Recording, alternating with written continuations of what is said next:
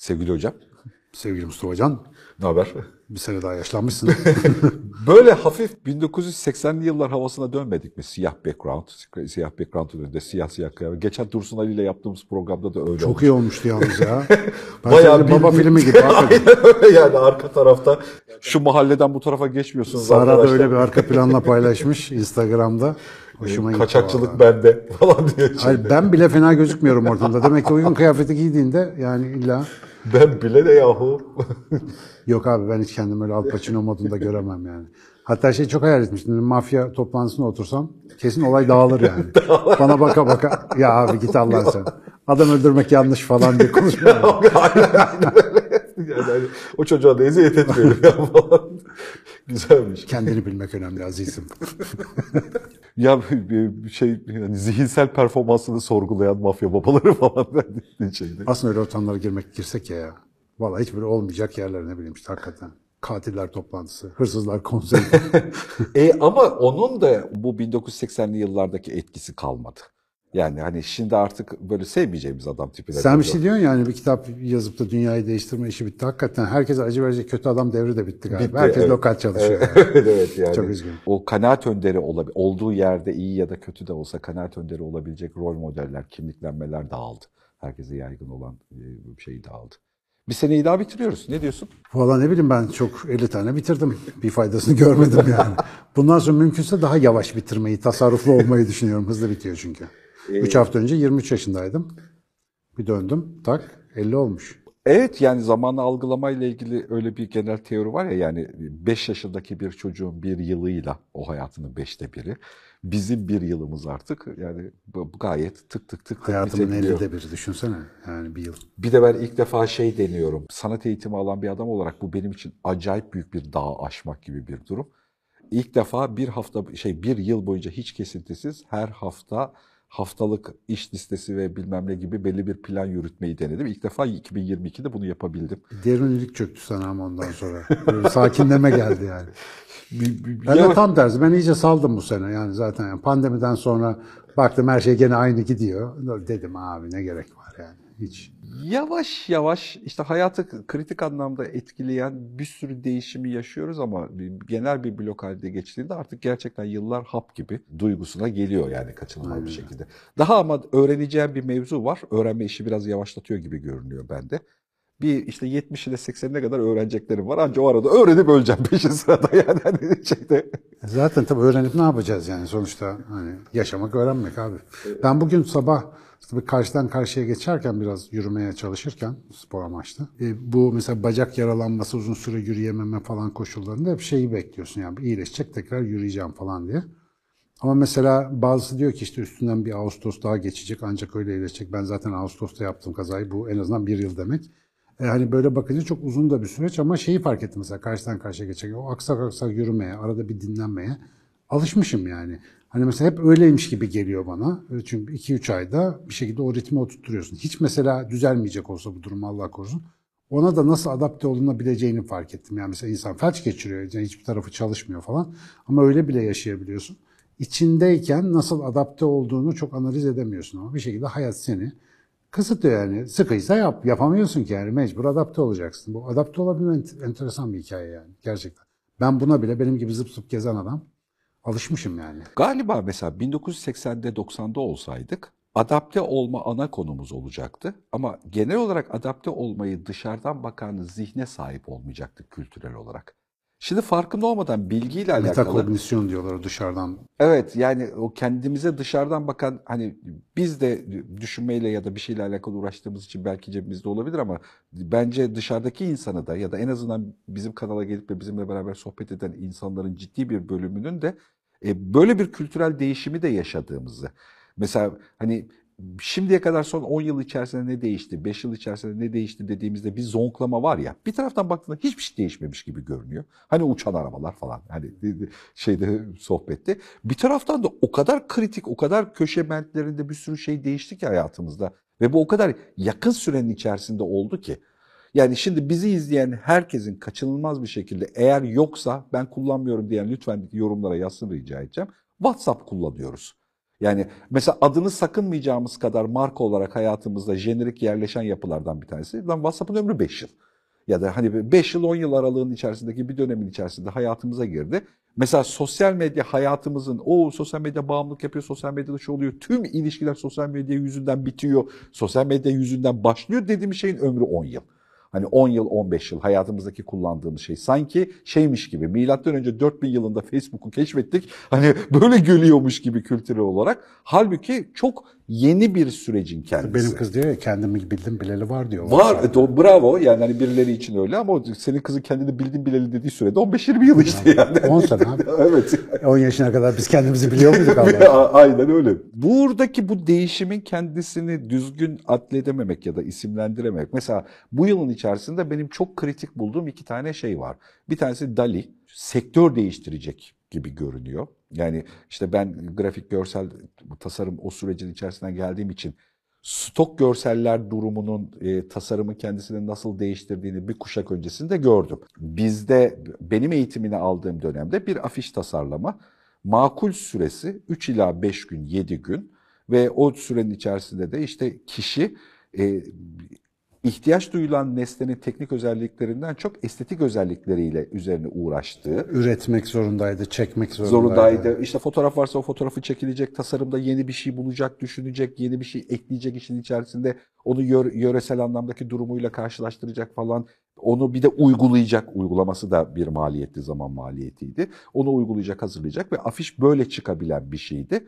Ee, buradaki tasarımdaki tüm becerisel öğeler senin tasarımı sadece stok e, sitelere verebileceğin, stok sitelerden herkesin pıt pıt pıt tasarımı tek seferde alıp Aa, bu tasarım olsun, şu görsel olsun, ben metni de buraya yazalım falan gibi Template.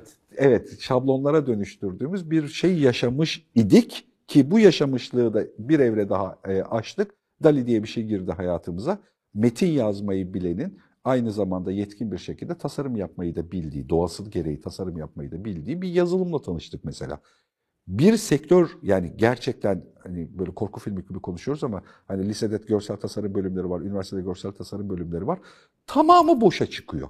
Ve 5 sene yani 5 sene içerisinde uygulamada böyleleşecekmiş gibi görünüyor. Çeşitli fiyat kategorileri, becerilere göre fiyat kategorileri yerleşecek. Fiyatını veren ve bunu tarif etmeyi bilen herkes görselini alacak. Mesela bu bana o kadar büyük bir değişim Yalnız gibi geliyor bir şey geldi abi. Her türlü maharetten bilgisayar mühendisleri ve yazılım tasarımcıları kazanmaya başladı. Ediyor musun? Yani o da bir maharetti ama şimdi ondan parayı yazılımcı kazanıyor mesela. Sanatçı değil. Ya bu çok acayip bir taraf yani. Daha önce düşünmemiştim ben bunu. Şimdi aklıma geldi. O da mesela bu işin ahlaki sorgularından bir tanesi. Çünkü şey diyorsun yani kübist bir bakış açısıyla bana bağıran keçi e, resmi ver diyorsun. Kübist bakış açısı dediği şeyin kendisini kübik sanatçılardan alıyor. Yani aslında Tabii. üretilmiş bir bilgiden o kalıbın kendisini alıyor. Bağıran keçiyi keçi fotoğrafını daha evvelden çekmiş e, fotoğrafçılardan alıyor. Ama o verilerden hiçbirini copy paste ile yapıştırmıyor. O verilerin kendisini analizliyor, yorumluyor. O verilerden yola çıkarak sıfırdan yeni bir bilgi üretiyor. Hem de kaç alternatifli. Ee, yani bir sürü alternatifiyle beraber. Bu bana çok ürkütücü büyüklükte bir değişim gibi geliyor. Ben değişimin devamında ne olacağını tahmin ettiğim için. Ya da işte Facebook'u bundan 20 sene önce masada konuşuyor olsaydık teorik anlamda ne kadar hobi bir şeydi, konuydu. Facebook dediğimiz şey şimdi ülke siyasetlerini etkileyen, cirosal anlamda ekonomileri etkileyen, herkesin çalışma ve iş hayatındaki konumunu, biçimini etkileyen, reklam satın almayı, bütçeleri etkileyen bir şeye dönüşüyor ya şeyde. Bunun da aynı şekilde yapıyı değiştirebileceği görünüyor. Otonom teknolojiler burnumuzun dibinde aynı şekil. Bir de ikincisi Chat GPT var ha, ya bir de. GPT onu diyecektim O- şeyde. o Şimdi şey. GPT ile beraber mesela gerçekten şey dedim. Bana sorarsan Seda ile konuşurken bana sorarsan biz şu anda tarihte kritik anlamda bir yerde yazılacak bir şey görüyormuşuz gibi görünüyor. Çünkü Normal değil abi o. Yani onun vaat ettiği normal değil. Ne kadarını yapacağını test edecek kadar vaktim olmadı ama internette izliyorum yani. Adam herhangi bir yazılımı sadece tarif ediyor. Herif sana yapıyor. Herhangi bir şeyi ondan istiyorsun ve yardımcı oluyor. Benim yıllardır kıvrandığım şey vardı ya akademisyene yardım edecek yapay zeka. Benim çalışma konularımı bilsin, benim için okusun, bir özetlesin bir zahmet falan diye. Ya bu işte yapıyor herif yani. Ben bir tane soru sordum. Neydi? Uganda'da 2020 yılında toplam kişi başına televizyon sayısı ne kadardır diye elinde yeterli veri yok dedi. İnsan bu kadar doğru cevap veremiyor ya yani. doğru cevap veremediğinde bile- Bilmediğini bilmek de bir Aynen, meziyet. aynen, biliyor yani hayvan. E, İlginç bir şey. Gerçekten ürkütücü. Bizim için ürkütücü tabii. Bir sonrakiler bunun üzerine bir şey kuracaklar ama ama biz bir taraftan da bir şey var. Şimdi bunlar büyük deve dişi olaylar. Yani biz seninle baktım, konuştum, bunu görüyoruz. Benim mesela sinirimi bozan bir şey var. Bu pandemi ilk başladığında oturduk bir sürü programlar çektik ya. Aha. Abi iki sene üstümüzden bir şey geçti. Evlere kapandık, bir şey oldu, bir şey oldu. Milletin işi gücü dağıldı. Uzaktan okullar kapandı bütün dünyada. Bir sürü şeyin değişeceğini öngördük ama onların hiçbiri değişmemiş gibi gözüküyor. Ben şimdi sokağa çıktığımda insanlar gene normal hayatında gidiyor gibi ama bu gene bugün sabah, bu arada bu konuyu konuşacağımızdan haberim yok ama bugün sabah bununla ilgili enteresan aydınlamalar yaşamışım. Uçan araba işi benim de aklıma gelmişti. Aslında uçan araba değil de geleceğe dönüşü zehirlenmesi geçiriyoruz ya biz. O hoverboard vardı ya. Bebeler böyle geç geçiyorlardı şeyle. Martıyla olan dedim hala niye hoverboard yok falan. Şey gibi bu. Gelecekle ilgili beklentilerimiz bizim onlarca farklı otobüsün geçtiği bir durakta özel bir otobüsü beklememize benziyor. Bizim otobüs bir türlü gelmiyor ama arada 80 tane otobüs geçiyor biz onları görmüyoruz. Diyorsun ki bir türlü benim otobüs gelmedi. Biz galiba geleceğe biraz böyle bakıyoruz. Yani kafamızdaki bir tasavvur olursa o olacak gibi. O yüzden gelecekle ilgili çok tahmin yapan insan ki ben bir ara öyleydim. Günü kaçırıyormuş gibi geliyor. Yani şu anda olan değişimi görmüyormuşsun gibi. Senle bir ara ayaküstü konuştuk. Sen dedin ki çok şey değişiyor. Bana, bana da hiçbir şey değişmiyormuş gibi geliyor. Çünkü ben insanlarda hakikaten hayırlı bir değişiklik olmasını bekledim ama iyice manyaklaştık yani. Pek hani bir ders almış gibi değiliz. Böyle belki de normali bu. Ben insanı iyi tanımıyorum. Yani normali belki böyle olması lazım. Pandemiden hemen önceki tuhaf telaşelere, plan programlara, tırnakla geçirip tutunmalara, yani lara falan geri döndük yani. Şimdi bu e, ahlaki anlamda ya da insani anlamda çok ilerleme kaydetmediğimizi gösteriyor gibi. Tabii başta kendimi koyarak söylüyorum. Ama onun dışında mesela bir şeyler değişmiş olmalı toplumda. Bir tek değişen bir şey var benim hayatımda. Kimse artık hemen hemen fiziksel muhabbetler istemiyor. Online yapalım abi. Online buluşalım, online toplanalım. Bir tek millet buna alıştı gibi. Sen gördün mü öyle bir şey? Yani mesela hayatta şöyle bir şey değişiyor dediğin bir şey var mı? Arka tarafta e, sektörlerin yatırımları ya da belli meslekteki iç iş tercihleri, biçimlerinin çok değiştiğini Kurumlarda. görüyorum. Büyük kurumlarda ve yapılarda büyük değişim oluyor. Mesela bu konuşulabilir bir şey değildi. Uzaktan çalışma %17 ile 25 arasında sektörlere göre değişiyor. Yani o yüzdelik oranın içerisinde küçük bir oranmış gibi görünüyor ama yani bunu 5 sene önce yani seni çalışanlarının beşte biri uzaktan çalışacak firmaya değil yani konuşulur konu değildi. Yani hani sohbeti Ama bizde de abi bizim şey akademiler falan da öyle. Şimdi bakıyorum. Ya ben bunları 5 sene önce yapacağım desem kimse gelmezdi mesela. kimse gelmez. Şimdi ciddiye ofiste de- eğitim açıyoruz kimse gelmiyor. Aha, Online yani yok mu hocam? Online yok mu? Online katılamaz mıyım diyor. Mesela bu, bu tuhaf bir şey doğuruyor. Ya da mesela ben çalışıyorken hayatımı yani konusu danışmanlık tipi olan sağlık, eğitim olabilir ya da işte belli profesyonel konularla alakalı danışman, hukuk olabilir. Bu konularla ilgili performansta mesela bir uluslararası müşterimiz oluştu. Almanya'dan, Kanada'dan bilmem ne dil birliğini organize edebildiğin sürece bir sürü insan senden profesyonel bilgi e, A Akademi'nin eğitimlerine tonlu. Neredeyse onda biri, onda ikisi yurt dışından geliyor A Akademi Yarısı çoğu eğitimleri. zaman. Ya, ye- bir şeyde. Yani mesela bu potansiyel 3 sene önce yoktu. Yok. Hani böyle bir gerçeklik de yoktu. Aynı teknoloji vardı ama işin garibi. Zaten burada hikaye şeydir ya. Yani dokunmatik ekran teknolojisi 1984 yılında keşfedildi. 90 yılında bankamatik ekranlarında biz kullanıyorduk. 2007 yılında Steve abi e, interneti üzerinden mobil cihaza getirdiğinde anlamlı oldu ya. Halbuki 30 senelik teknoloji yani hani o, o Bir getirdiğinde zorlanma gerekiyordu. gerekiyor ya da zaruri bir ihtiyaçla beraber öpüşmesi gerekiyor. Böyle çok kritik davranışlar gördüğümü zannediyorum hani sektörlerde bir şeyi tercih eder ilerlerken. Mesela şöyle bir şey oluşuyor. Biz bunu görmezden geliyoruz. Dünyada şu anda yanılmıyorsam yani bilgide yani acık yoruma açık kalsın sayısal vereceğim bilgi. Yanılmıyorsam 17 ülke şey ödüyor. Vatandaşlık parası ödüyor. 17 ülke deneme aşamasında. Bunun içerisinde ummadığın küçüklükte ülkeler de var. Yani bir atıl ekonomi diye yani işte elde bir ekonominin birikmesiyle alakalı bir pozisyon oluşuyor. Şimdi mesela çok büyük bir e, değişim bekleniyor. Burada nasıl pozisyonlanacağı ile ilgili bir sıkıntı var. Az eğitimli grup, toplumsal anlamda eğitim zincirinde daha altta kalan gruba çok az sayıda meslek kaldı ya. Kasiyerlik yapabiliyor, kuryelik yapabiliyor falan gibi az sayıda bir mesleğe doğru sıkışıyorlar oradaki e, hizmetle alakalı. E şimdi kasiyerlik yaptığını varsaydığımız yerde herkes parakendede bir şey satıyordu. Kasiyerlik yaptığını varsaydığımız yerde otomatik marketler açılıyor artık. Girişini çıkışını şu anda aktif olarak kullanılıyor. Yani Kapitol'ün içerisindeki Migros'ta kasanın bir tanesi kasiyersiz çalışıyor. Şu anda çalışıyor. Abi yalnız dur bir şey söyleme. Bu sabah ne sabahmış ya vallahi bu sabah oldu yemin ediyorum. Bankaya gittim ve isim vermeyeceğim yemin ediyorum ama ya keşke verseydim ya. Bir taraftan şu anda ikilemdeyim versem mi acaba diye. Akıllı gişe sistemine geçmişler. Yani gerçekten gözlerim yaşardı. Normal işlemden en az dört kat daha uzun sürdü yaptırmış. Üç kişi yardımcı oldu. Eskiden bir tane gişede eleman vardı. Ve sonuçta yarısını beceremeden çıktık mesela. Ve bankada kimse de kalmamış bana korumalar falan yardım ediyor. Yazık yani orada işte insanı azaltacağız, şey yapacağız falan.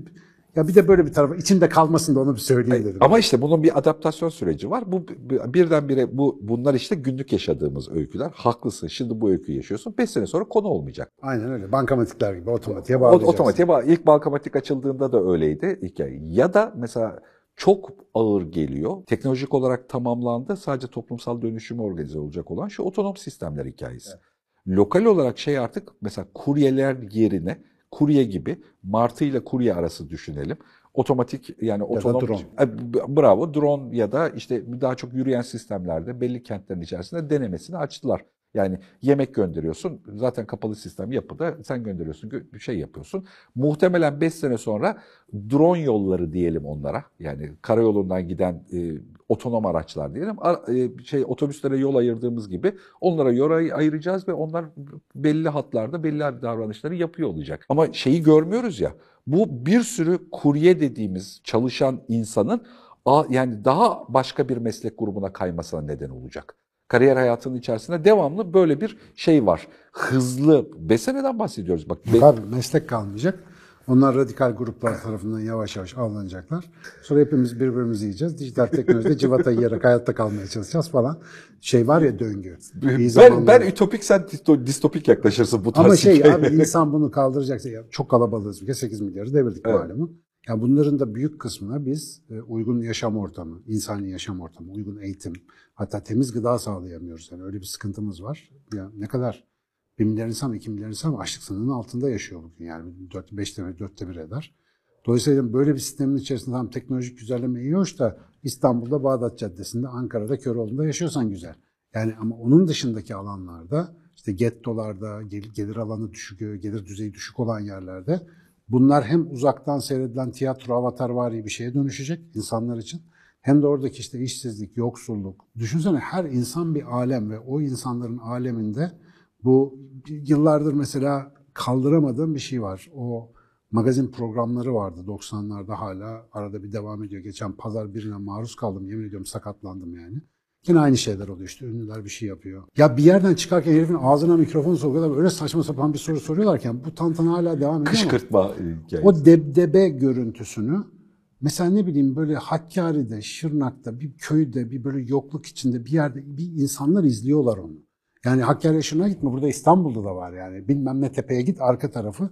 Öyle çok yoksulluk içinde insanlar bunu görüyorlar. Çünkü televizyon artık elinde yani evinde herkesin var. Ona maruz kala kala aynı zaman dilimi içerisinde böyle insanlarla birlikte yaşamaya delirmemeyi nasıl becerdiğimizi ben yıllardır çözemedim. Yani çok ilginç bir durum var. Mesela burada da har vurup harman savuran, ya- yağdıran, yıkan, israf eden bir kitleyi gözünün önünde izleyip de nasıl olup da hala normal yaşamına devam ediyor insanlar anlıyor. Ve bu uzun sürmeyecek abi. Ama ama çok yüksek bir adaptasyon var ya. Çok e, tabii ki. Yani- Benim bacağıma adapte olmam gibi işte. olmak gibi ama mesela bunu da şu anda fiziken yaşıyoruz. Evet mesela Instagram'da bir imaj imaj pozisyonlanması var. Yediğimiz yemekler, lüks, lüks restoranlar, kitabımla kahvem, kahveye 100 lira verdim falan. Yani hani bu fotoğraf var. Kahve 100 lira ama bulaşık yıkarken fotoğrafı. Aynen öyle yani hani orada orada bir imaj pozisyonluyorsun ve hani onun kendisi e, sosyal iletişimde bir mesajlaşma argümanı olarak kullanıyorsun. E buna bahsettiğin o tepenin ardındaki diye sohbetini yaptığımız aslında o biz de tepenin ardındayız bir başka yapı için. Bu arada kimseyi ötekileştirmiyorum. O Yok, ötekinin tabii, bir parçası olarak söyledi. Senin de öyle söylediğini bildiğim için e, şey yaptım. O, o öteki olarak da bu konuya baktığımızda o da TikTok'la kocama çaydanlık şakası yaptığımla kullanıyor ya bunu. Yani yani ya da işte babama hamileyim dedim falan diye izlediğim videoyla adapte oluyor konuya. Kendi alanında kendini ifade edecek bir yer buldu? Bildiği yer buluyor ve aynı teknolojiyi seninle aynı matematikte kullanıyor ve aynı sonuçlarını alıyor. Ve mesela şöyle bir davranış değişikliği var. Geçen internet fenomenlerinden bir tanesi bunun üzerine gayet düzgün de bir video çekmiş. Bence çok da tatlı bir yerinden yakalamış. Şeyi bilinirlik gücünü anlatmak için. Bu benim için çok iyi, toplumsal anlamda çok kötü bir şey yaşıyorum diyor.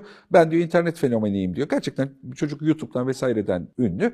Ben diyor bilmem kimim dediğim andan itibaren diyor. Normalde hadi marka ismi söylemeyelim. Herhangi bir markayla, bankayla bilmem ne yaşayacağın sorunun kendisini bana 5 saniyede çözüyorlar. Senin bir buçuk ayda çözdüğünü biliyorum diyor. Tamam. Ben, Para- ben bile aynısını yaşadım. Samsung'la olan meselem dakikada çözüldü. Çünkü senin bilinirliğin bir güç ve bu güçten marka olarak korktuğum için sistemle ilişkinde senin ilişkini kolaylaştırıyorum. Birey, öteki bireyin ilişkisini umursamıyorum ya da önceliklendirmiyorum bir, hikayenin işleyişinde. Mesela geçen Ceyda... Şimdi bu arada bu da çok önemli bir değişim. Onun altını çizmek için söylüyorum. Pa- Para gibi hani eskiden saygınlık ben bir milletvekiliyim ya da ben önemli bir şirketin patronuyum. Benim de YouTube'da 500 bin kişi var. Aynı şey oldu. Aynen öyle. Enes Batur'a kim karşı Ge- gelebilir? ge- Gelebilir ki. Biz ise yani daha abi bir abone olmuyorsunuz ya şurada. Hayret bir şey. Hala tanınmadığımız yerler var. ya. Olmuyor ki böyle. Ben de güçlü olmak E istiyorum. şu 500 bine harbiden artık açık beyin geçmeli bence ya. Yani hani bir, bir uzun süre bekledi Bence 500 bin YouTube bir şey kapısında. yapıyor. Tehlikeli bir kanal o yüzden. Orada tuttu bir 497 bin falan bandında. Evet, Biz bir evet. senedir orada geziyoruz herhalde ne bileyim. Bu yani. çok uzun oldu evet yani böyle hani gereksiz bir bir 500 bin bir 500 bin kutlaması yapalım konuyla alakalı Şey bir diye bir eğlenelim. haber aldım. YouTube'da 1 milyon plaketi bitmiş. Onun için bekletiyorlar. Basma konusunda paraları kalmamış falan filan. Neyse o da olur inşallah. Bana abone olun yani ayıp yani şey, şey yapın söyleyin insanlara da gelsinler acık. Bak bu kadar program çekiyoruz. Neyse şu anda konu dağılmasın. Ama güzel güzel adapte olduk o şeyde. Konu buraya gelecekti. Şöyle bir şey var. Değişimin içerisindeyken insan zaten hayatında da böyle bir şey var. Ben bunu sık anlatırım ama toplumsal planda galiba görünür bir şeyler görmeyi çok istiyorum değişim anlamında. Aslında yaşlandığımızda fark etmiyoruz mesela. Ben işte berbere gittiğimde önüme dökülen sakallarımın rengine bakınca bunlar kimin lan oluyorum. Halbuki her gün aynada görüyorum ama yüzünün önündeyken fark etmiyorsun onu. Hayatta da böyle değişimler dipten derinden. Bir şeyler oluyor muhakkak da o şeylerin göze batan kısımlarından işte ben genellikle memnun değilim. Hep ya böyle köpüklü ve iğrenç olan kısmı yukarıda duruyor. Deniz gibi. Altı çok güzel belki ama bilemiyorum. Değişim, değişim konusunda ben pandemiden sonra çok memnun olmadım yani. Böyle pek sevmiyorum. E, ben bu değişim hikayesinin nasıl hareket ettiğini ben yine sizin gibi biyologlar aracılığıyla anladığımı düşünüyorum. Biz anlamadık? Hayır. yani doğru. evrimsel anlamdaki çabamızın zeminini anlayınca değişimi anladı, sezdim. Daha doğrusu en temiz background hikayeyi burada yakaladım. En arkadaki planı ya da davranış. Mesela biz gerçekten birbirleriyle organize bir kalabalıkla alakalı evrimsel bir çabamız var. Buna bakınca değişimin ana matematiğinin nasıl hareket ettiğini anlıyoruz. Bunun bu akli bir tercih değil E, tabii ki güdüsel. büyümek istiyor sistem. Tabii. Şimdi ama bir yandan da organize olarak büyümek istiyor. Büyümek istiyor, organize olmak istiyor. Büyümek istiyor, organize olmak istiyor. O yüzden kente geliyoruz, kalabalıklaşıyoruz, iletişimi çok seviyoruz. İletişim İşte yapabildiğimiz bütün boktan süreçler artı değerden kaynaklanıyor abi. Şimdi Zanzibar geldi aklıma.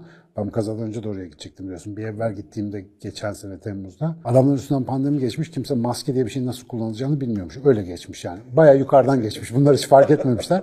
Mesela ölenler de Allah'tan ölüyor Tabii zaten. 30 şey de değil, ölüm falan da doğru dürüst yok. 30 sene önce nasılsa e, Zanzibar aynı. O gittiğimiz köy falan her şey aynı.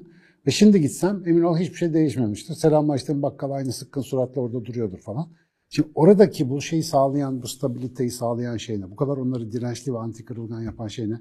Paraları yok abi. Yok, üretim yok. Biz burada büyümek için gerekli kaynağı, yakıtı buluyoruz. Şey gibi işte bizim ver bakterilere yeterli ortamı. Sana 24 saat içerisinde dünya ağırlığının 400 kat kadar kütleye ulaşsınlar mesela. İyi ki o kadar yiyecek yok. O yüzden bakteriler o kadar üremiyor. O yüzden kanser o kadar büyümüyor. Sürekli sınırlandırılıyor. Ama biz işte artı değer ürettikçe, şehrin problemi bu. Orada artı değer üretiyorsun. Ürettikçe de büyüyebiliyoruz. Yani buradaki iğrenç köpük benim yaşadığım yerden kaynaklı. Ben bir Zanzibar'a gideyim. En güzeli vallahi. Burada yani şunun altını çizmek istiyorum. Bu insani bir aklın kişisel bir tercihi değil. Değil, değil, değil. Ben evrimsel bir öykünün devamlılığı yani bir örüntü okuma devamlılığıyla alakalı gibi. Aynen öyle. Bu bizim şeyimiz de var. Yani hep işte fabrika ayarlarında yazıyorum ya yalnızken korkuyoruz. Çünkü tek başına hayatta kalamıyoruz. 5 kişiyken güvendeyiz ama 10 kişi olsa daha güvende olacağız yani. Bütün sistem bu. Ve büyütmeye çalışıyoruz. Ama yani cılkanı da çıkarmamak lazım. Yani oraya doğru gidiyoruz. Mesela şu anda Bağdat Caddesi trafiği 2023 oldu ama Bağdat Caddesi'nde insan yani insan seyahat etmesi mümkün değil artık yani. E, zıtlıklarımız biz biz dünyanın tümünü zıtlıklarla algılıyoruz ya yani siyahlar beyazlar iyiler kötüler hikayesinde. Dünyayı bir bütün olarak anlayıp çevresi, ya, homojen yapısı, aa biz bizeyiz bunlara da yardım etmek gerekiyor dünya dünyanın bu halini anlayabilecek bir zihin için bu halin dışındaki bir ötekiyi bulmamız gerekiyor. Şimdi bu ötekiyle ilgili uğraştılar. Meteorları bir öteki gibi yaptılar. Ama aslında bize biraz uzaylı lazım. Gerçekten bir uzaylı ve korktuğumuz, kaygı duyduğumuz bir uzaylı lazım. Korktuğumuz ve kaygı duyduğumuz bir uzaylı da biz kavramını dünyada, biz bu ağaçta biz, bu hayvanlarda biz duygusunu kolaylıkla geliştireceğiz. Pandemi sözde bunu yapacaktı ama. Pandemi kısa bir dönem bunu acık yapar gibi oldu ama kısa geçti. Yapacak bir şey yok. Abi ne yaptın? İki sene gözünü seveyim. Beş sene Ben bile evde ediyorduk. sıkıldım. Evet ben ben bile sıkıldım evde yani. Allah beterinden saklasın da inşallah Independence Day filmi gelmeden biz insani bir yol bulalım yani. Hayırlısıyla bakalım. 2023 umuyorum herkes için tüm süreçlerini madem 2023 videosu yapıyoruz hadi öyle bir, öyle bir şey söyleyelim şeyde. Be- benim iyi dilek şeyim şu yani kendimle alakalı dilediğim şey de o. Planlayıp yönetebildiğiniz haftalarla geçsin. Sizin düşündüğünüz gibi organize olacak şekilde geçsin. Ee, benim iyi dilek hakkımı ben böyle kullanayım. Muhtemelen bu videoyu kıs bir kısmınız hala bir baş ağrısıyla izliyor olabilirsiniz. o yüzden çok da şey yapmayın. Gördüğünüz gibi bugün de bir fark yok. Şöyle bir etrafınıza bakın. Ve her zaman söylediğim gibi yılbaşından, ay başından beklediğimiz şeyleri saat başından ve dakika başından beklemeye başladığımızda hayatımız düzelecek. Yani teorikte buna hiçbir engel yok. Yani şu anda her dakika başı yeni bir şans, yeni bir başlangıç. Her saat başı hakeza. Dolayısıyla yılbaşını, ay başını beklemeyelim. Bak bekledik ne oldu? Gene geçti. Dolayısıyla inşallah bir sonraki saatiniz cillop gibi olsun efendim. Evet küçük kararlar büyük sonuçlara gider. Aynen. Kesinlikle çok güzel derledin topladın.